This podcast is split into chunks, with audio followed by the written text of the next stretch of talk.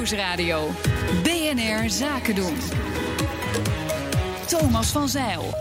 Geen meltdown, maar een melt-up is het risico dat nu boven de aandelenmarkt hangt. Tenminste, als je het aan de CEO van BlackRock vraagt. Met knikkende knie is hier aangeschoven het beleggerspanel. Deze week gevormd door Simon van Veen, fondsmanager van het Sustainable Dividend Value Fund. Koen Bender, directeur van Mercurius Vermogensbeheer. En Karel Merks, beleggingsspecialist bij Beleggersbelangen. Mijn zakenpartner is al anderhalf uur lang en met veel succes Annemiek Robeek. Welkom. We gaan allereerst uh, uh, kijken en vragen naar jullie laatste transactie. Koen. Alweer een week, uh, nou, ruim een week geleden. Maar we hebben wat positie opgenomen in een trekker in de Verenigde Staten. Vooruitlopend op het cijferseizoen. Ehm, omdat we denken dat daar toch nog wel ruimte is voor een nou, verdere stijging. Goed, we komen zo meteen verder ook te spreken over dat cijferseizoen. Dus later meer. Karel. Ik heb weer wat aandelen bijgekocht van het mooiste Nederlandse beursfonds.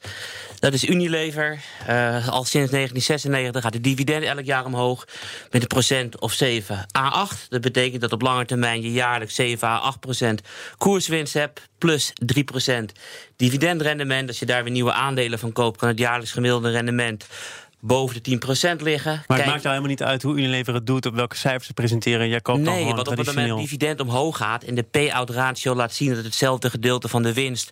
naar de aandeelhouders gaat, dan groeit het bedrijf. En er staat een paar miljard cash op de bank... dus het zal ook niet omvallen in een crisis. Dus het is mijn favoriete dividendaandeel... en ik koop gewoon jaarlijks daarvan bij. Nou, begrijpen jullie de liefde van uh, Karel voor Unilever? Ik begrijp wel liefde voor dividendaandelen. Dus dat, dat deel ik zeker. Ja, en dan vooral bij aandelen die dividend weten te groeien. Ik heb ook een mooi voorbeeld van. Ik heb uh, een paar weken geleden aandelen gekocht van Autostrade Torino Milano. Een Italiaanse beheerder van uh, tolwegen.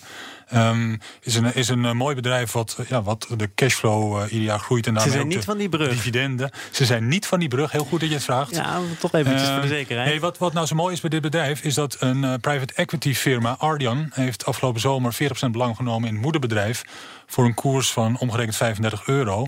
De koers van uh, ASTM staat op uh, 23 op dit moment, dus daar is flink wat upside. Die, die uh, steek van private equity is genomen tegen cashflow, zes keer de cashflow, zeg ja. maar.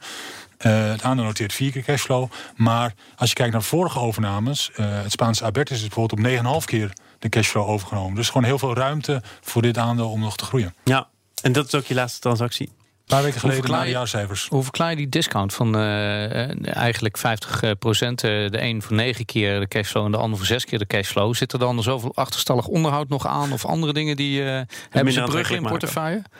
Uh, alle, alle stolwegen hebben bruggen, maar uh, in dit geval is er een groot aandeelhouder die een meerderheidsbelang heeft van 51%. Dat okay. soort van discount. Ja, ja. En Italië was natuurlijk afgelopen jaar best wel onder druk vanwege de nou ja, vermeende grote tekorten van de overheidsschuld.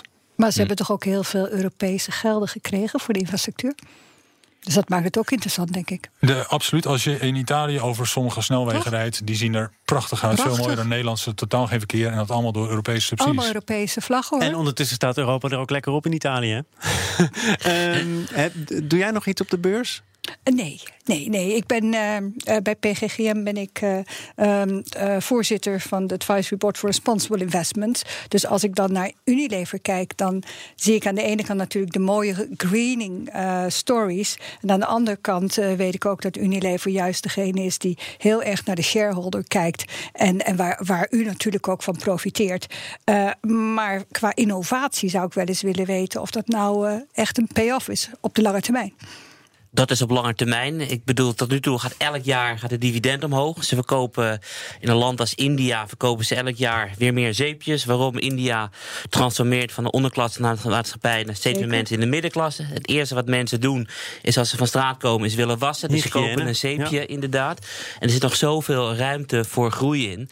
En je hebt niet per se innovatie nodig. Als je een miljard mensen meer hebt die een zeepje kunnen kopen. Ja, maar dus innovatie is voor jou echt een lange termijn verhaal. En dat heb je als belegger niet per se meteen. Uh... Nee, maar ze, op je lijstje. ze profiteren ook mee van de algemene vooruitgang van de uh, wereldeconomie. Dus snel voorbeeldje. Straks rijdt er geen enkele vrachtwagen meer. Waarom? Die, ze rijden volledig automatisch zonder chauffeur. Nou ja, dan heb je dus niet meer je transportkosten. Die dalen. Dus grote bedrijven profiteren van de internationale vooruitgang. En als je een merk hebt met weinig concurrentie, wat elk jaar in de kosten kan besparen en de dividend om kan hoog verhogen, heeft de aandeelhouder profiteert daarvan. Dus ik kijk wat minder naar de innovatie, als het maar groeit. We gaan kijken naar Larry Fink, dat is de CEO van BlackRock. Hij spreekt van een risico op een melt-up. Er staat volgens hem momenteel veel geld aan de zijlijn en hij verwacht dat de rentes nog wel even laag blijven. Traditioneel goed voor aandelen. Koen, we hebben het hier afgelopen vrijdag op Goede Vrijdag al even over gehad. Voor mij was een melt-up toen nog een relatief nieuw begrip. Wat is het ook alweer en waarom is het ook een risico? Nou ja, ehm, wat het is, is, zou je ook kunnen zeggen als het, het angstgevoel van beleggers dat ze, dat ze de trein missen. Dat gebeurt meestal op het moment dat er in de, in de media weer koppen zijn van nieuwe all-time highs en dat het heel erg goed gaat op de beurs. Dan, dan komt de particuliere belegger er, vaak nog, uh, nog achteraan. Uh, het risico dat je dan hebt, is dat aandelen gewoon eigenlijk overpriced worden. En, en dat het risico naar beneden toe verder ook uh, ja, groter wordt. En dat je dus weer heel hard kan, uh, kan vallen. Wij hadden het net heel even, uh, Karel, voordat de uitzending begon. Ja, het zijn altijd interessante gesprekken. Over januari ja. vorig jaar. En, en je haalde toen een van de, de, feiten aan waar je zo goed in bent. Dat we in januari een all-time high hadden. En dat er in tien dagen een hele heftige correctie kwam in januari had je ook een melt-up vorig jaar. En toen ging de beurs onwijs hard omhoog op die belastingverlaging die er was geweest. En daarna kreeg je dus een hele harde uh, klap naar beneden toe. Dus dat is het risico wat je, ja. wat je creëert. Ja. Eens met deze analyse en wat Larry Fink ook zegt, dat ja, het eraan ik, zou ik, kunnen komen? Ik ben het eens met zijn argumentatie. Hij zegt er staat zoveel geld op dit moment in niet redenerende assets. Als dat geld hmm. aan het werk gezet gaat worden, dan, dan kan het heel hard gaan. En um, ja, kijk, als je ziet uh, dat er nu in Nederland zoveel geld zit van pensioenfondsen in obligaties die al vijf jaar of langer 0% rendement opleveren. Dan, dan moet je iets anders dan gaan moet je overwegen. iets anders of je moet uh, je pensioenen gaan korten. Uh, dat laatste willen we niet, dus, dus uh, meer in aandelen. Hier ben ik het niet helemaal mee eens, want zijn belangrijkste argumentatie was uh, dat centrale banken uh, more dovish zijn dan ooit. En dovish betekent heel erg stimulerend. We hebben lage rente houden. Lage rente, maar wat belangrijker is... we hebben in december de grootste U-turn uit de geschiedenis gehad... van de Federal Reserve. Had het ook te maken met de rente en het niet verhogen ja. van de rente? Klopt, ze stoppen met het verhogen van de rente... en ze uh, gaan stoppen met het verkorten van de balans. En het gevolg was inderdaad een melt-up in aandelen. Als je bijvoorbeeld kijkt naar de chipsector... de, de SOX, de bekende chipindex wereldwijd is 1,2 biljoen aan aandelen uh, zit daarin. En die is met 50% opgelopen. En dat is niet met cash aan de zijlijn. Het is gewoon centrale nee, banken en niks anders. Karel, dat hoor ik toch Simon ook zeggen. Simon zegt namelijk van ja, er is nog heel veel cash die inderdaad de markt in kan. kan. En er is ruimte. En natuurlijk komt dat door de centrale bank. Want als die centrale bank langer de rente nog lager houdt, dan blijven die assets die er dus nu, die, die obligaties, die blijven lager renderen. Dus volgens mij hebben we het hier over hetzelfde. Ja, mooi dat we met elkaar eens zijn. Klopt, maar ik denk toch dat centrale banken het allerbelangrijkste, heel snel. Uh, november en december waren de enige twee maanden van de afgelopen tien jaar waarin de Federal Reserve heeft gezegd: wij ondersteunen deze markten niet, we stoppen met stimuleren. De enige twee maanden. Het valt wereldwijd helemaal uit elkaar. SP min 20 procent. En ze beginnen weer met stimuleren. En dan stimuleren betekent onder andere geld lenen en het in de aandelenmarkt pompen. Het is niet dat het geld zit te wachten. Maar nee, dit... het wordt gewoon gecreëerd en geleend en daar worden aandelen van gekocht. Nogmaals, van het feit dat jullie eens zijn, toch? Uh, ja, maar cash aan de zijlijn heeft gewoon centrale geld. banken. Het is het rondpompen van geld. En volgens mij is het wel een interessante vraag ook voor het panel. Dat er natuurlijk ook heel veel aankomende stranded assets zijn. Hè? Met name als we kijken naar de, de energiesector.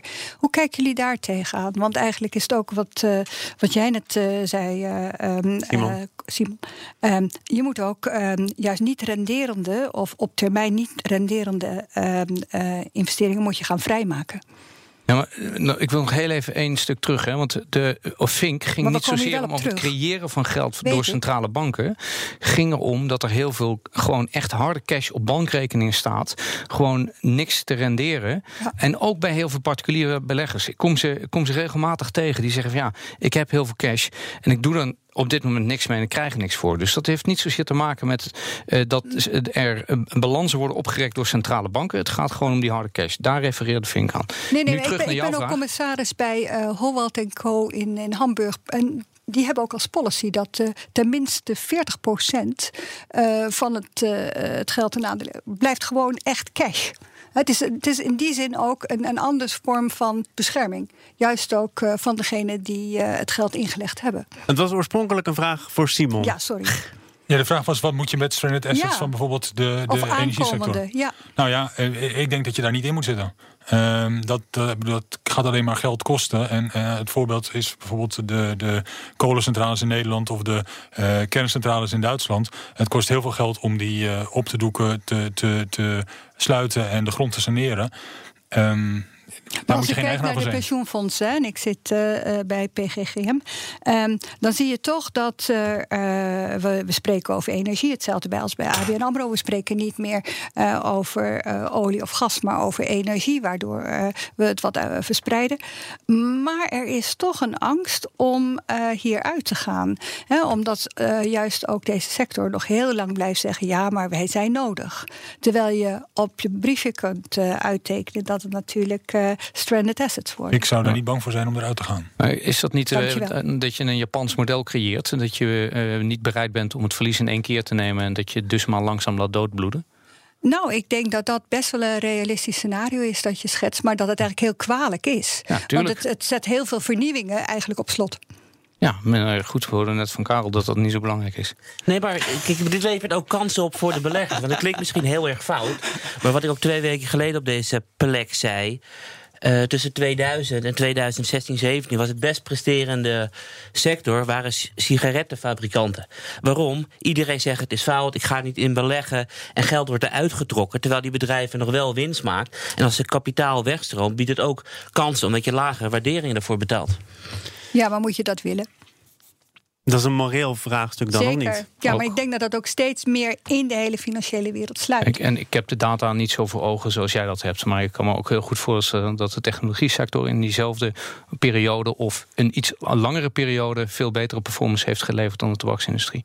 Dus het is ook keuzes Ik maken. denk als en ook landbouwbelegger moet je niet in dat soort eh, sectoren zijn die eigenlijk eh, eh, ja, ten dode zijn opgeschreven. Ja. Letterlijk. BNR Nieuwsradio. BNR Zaken doen. Het beleggerspanel is te gast en het bestaat uit Simon van Veen, fondsmanager van het Sustainable Dividend Value Fund, Koen Bender van Mercurius Vermogensbeheer en Karel Merks, beleggingsspecialist bij Beleggersbelangen, mijn zakenpartners Annemiek Robeek. En we gaan praten over de nachtmerrie van beleggers. Aandelen hebben van een bedrijf dat er frauduleuze praktijken op na blijkt te houden. Denk aan Imtech, denk aan Steinhoff uit Zuid-Afrika. En recenter gingen er ook zorgwekkende verhalen rond over Wirecard. Een Duits fintechbedrijf ontkent zelfs alles. Verloor stevig op de beurs, won later weer wat terug. Maar short gaan, dus het, speculeren op een koersval... werd verboden door de Duitse beurswaakhond. Koen, wat is er daar aan de hand? Of eigenlijk niks aan de hand misschien wel? Nou ja, in februari. Het lijkt niet dat er helemaal niks aan de hand is. In, eh, eh, februari kwam de Financial Times met eh, berichtgeving dat er via Singapore eh, ja, gerommeld zou zijn met de boeken. Blijkt dat er, eh, of het lijkt erop dat er in ieder geval een aantal eh, eh, verschuivingen, laten we het zo noemen, in de boekhouding hebben plaatsgevonden. die zo georchestreerd zijn om uit te komen met de boekhoudregels. Ehm, in de letter van de wet volgens Wirecard geen fraude. Dus het aandeel is een gigantische jojo. Maar Daar komt het op neer. Times heeft volgens mij iets geschreven op basis van een rapport dat werd opgesteld door een eh, Ja. advocatenkantoor. Interne memo's. Op basis daarvan is er een enorme daling geweest en ook die Mhm. speculatie in de markt gekomen. Maar toen heeft Wirecard zelf een samenvatting van dat rapport gedeeld en bleek het toch allemaal reuze mee te vallen. Het lijkt de VS wel.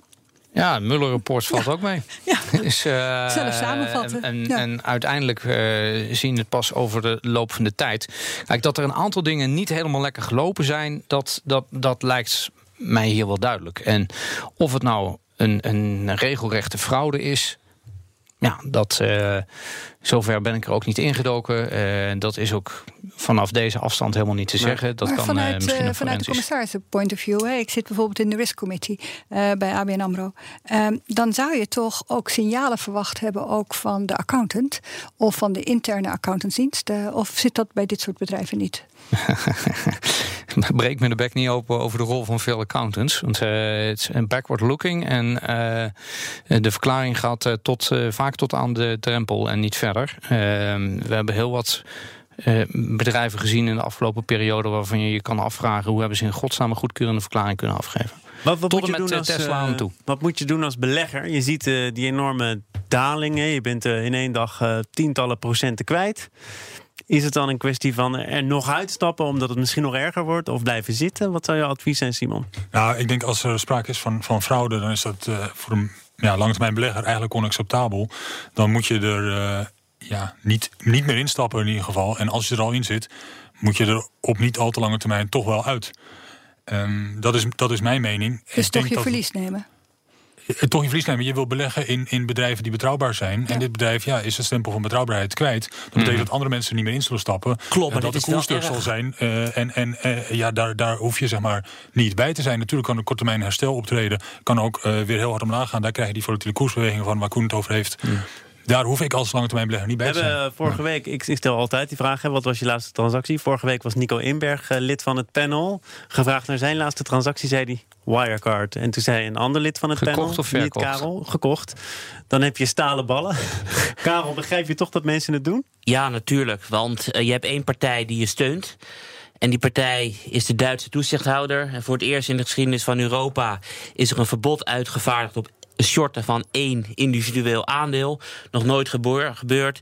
En als een conservatieve uh, toezichthouder jou steunt, nou, dan vind ik het te kort door de bocht om te zeggen dat het fraude is. Ja, maar ik, vind het te kort door de bocht. Ik vind het te kort door de bocht om nu te zeggen dat uh, uh, het bedrijf in zichzelf gesteund is. Hmm. Wat de toezichthouder doet, is die reguleert de markt. En die heeft gezegd: de markt heeft er geen belang bij om dit aandeel te shorten. Dat is wat anders dan dat de toezichthouder nu zegt: er is niks aan de hand. Wat betekent de markt heeft er geen belang bij? Waarom wordt voor het eerste keer in de geschiedenis de één individueel aandeel. Ja, de toezichthouder. Ja, de Simon, Simon eerst en nou, Koen. De toezichthouder is gewoon bang dat het vertrouwen in het betalingsverkeer wegvalt. En Precies. om dat te voorkomen is het geoorloofd om, om deze maatregel uit te voeren. Dus zegt niks over wat er intern bij dat bedrijf aan de hand is. Nee, dus het gaat om de grote impact. Sla mij maar over, want ik heb niks toe te voegen. Ja, dat is toch, gebeurt al vaker dat jullie uh, het zo met elkaar eens uh, zijn dat, uh, dat ik niet het hele rondje hoef maar, te maken. Maar wat, wat oh, ik daar wel, nog even iets. Nou ja, wat ik daar wel op, op aan wil vullen. Kijk, op een, het gaat om vertrouwen. En als dat vertrouwen weg is, zoals Simon net al zei, ja, dan, dan heb je als belegger er niks in te zoeken. Dat is anders voor speculanten.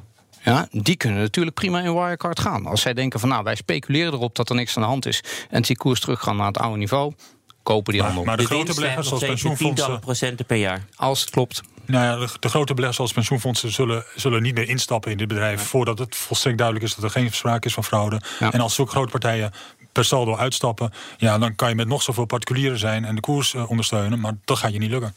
Nog even naar een, een, wat grotere, algemenere vraag. Maar wanneer moet je als belegger uh, ja, erkennen dat je fout zit of dat het, dat moment daar is om eruit te stappen? Wat, wat is dat moment, Koen? Nou ja, eigenlijk is, is het een continu proces waarbij je moet uh, controleren of je uitgangspunten nog kloppen. En dat doe je bij kwartaalcijfers, dat doe je bij, bij nieuwsfeiten. En als een aantal keren achter elkaar blijkt dat de, de, de, je ankerpunten niet kloppen of datgene waar je ze ingeslagen hebt broos materiaal blijkt te zijn, ja, dan moet je wat mij betreft weg zijn. Maar er gaat één stap aan vooraf. En dat zorgen dat je gespreid bent, zodat je nooit uh, door dit soort uh, uh, dingen die altijd kunnen gebeuren. Uh, Bernard Madoff was ook lid van alle hoogste commissies en was ook gecontroleerd door iedereen en bleek een fraudeur te zijn. Leonard en Houspie, je kan doorgaan tot in lengte van dagen en frauduleuze bedrijven vinden in het verleden en ook in de toekomst. Want het gaat opnieuw gebeuren. En dus moet je spreiden. En dat is, dat is de enige manier. En bereid zijn om je in de spiegel aan te kijken en te zeggen: ik had het verkeerd wegwezen. Ja, gebeurt dat vaak dat je het verkeerd hebt? Nou, je noemde zelf uh, aan, aan het uh, begin van je, bij je introductie Intech. Dat heb ik aan de lijf ondervonden. Dat je in eerste instantie denkt van ja, wacht even. Dit is een heel beperkt iets. De, de, de Poolse dochter, um, daar gaat iets fout. Ze hebben de CEO daar ontslagen en het probleem is opgelost. Maar uiteindelijk gaat het daar niet om. Het gaat om dat beleggers vervolgens uitstappen. Dat de koers onder druk komt te staan.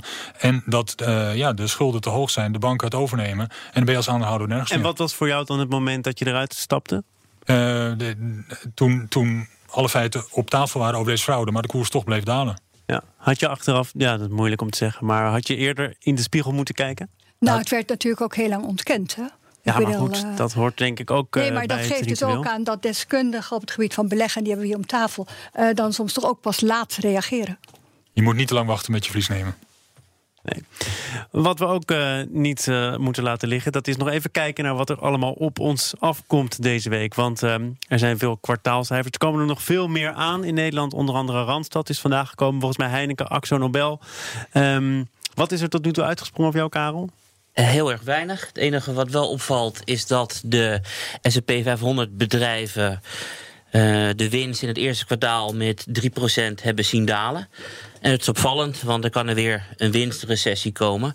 En mensen kopen aandelen voor de toekomstige winst. En als er een winstrecessie komt, kan de beurs wel eens een tik naar beneden krijgen. Maar is dat dan ook niet eh, een van de redenen voor die melt-up?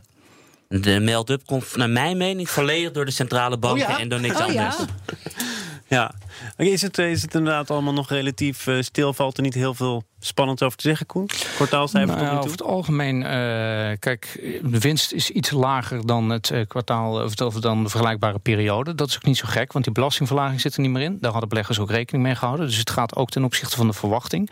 Eh, we hebben vanmorgen cijfers van eh, onder andere Twitter en van Procter Gamble gehad. Beide waren beter dan verwacht. En daaruit zul je zien dat er toch wat opwaarts potentieel is. Wat ik misschien nog wel veel interessanter dan voorgaande kwartalen eh, vind, is hoe gaat het met de omzet? Want de kosten lijken redelijk goed onder controle. Alleen eh, wat ik tot nu toe van een paar bedrijven gezien heb, is dat de winstcijfers of de omzetcijfers wel wat, eh, wat, wat tegenvallen. En, en dat zou eenmalig kunnen zijn door de extreme weersomstandigheden en de handelsoorlog die, we, eh, die we hebben. Extreme weersomstandigheden in de VS in het eerste kwartaal. Ehm, maar dat is wel een punt van aandacht.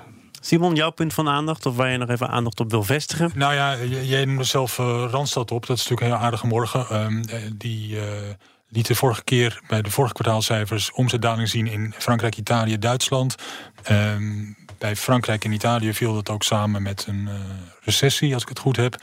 Dus ja, interessant om te zien of. Wat, wat ze morgen rapporteren in die landen. En dat kan inderdaad een goede aan, eh, aanwijzing zijn voor de ontwikkeling van de economie in Frankrijk en Italië. Ja, er wordt minder omzet en winst verwacht voor Randstad. En dat zegt ook iets over wat we van de toekomst mogen verwachten op economisch vlak, toch? Hè? De, uit Is dat dan toch als, licht eh, somber?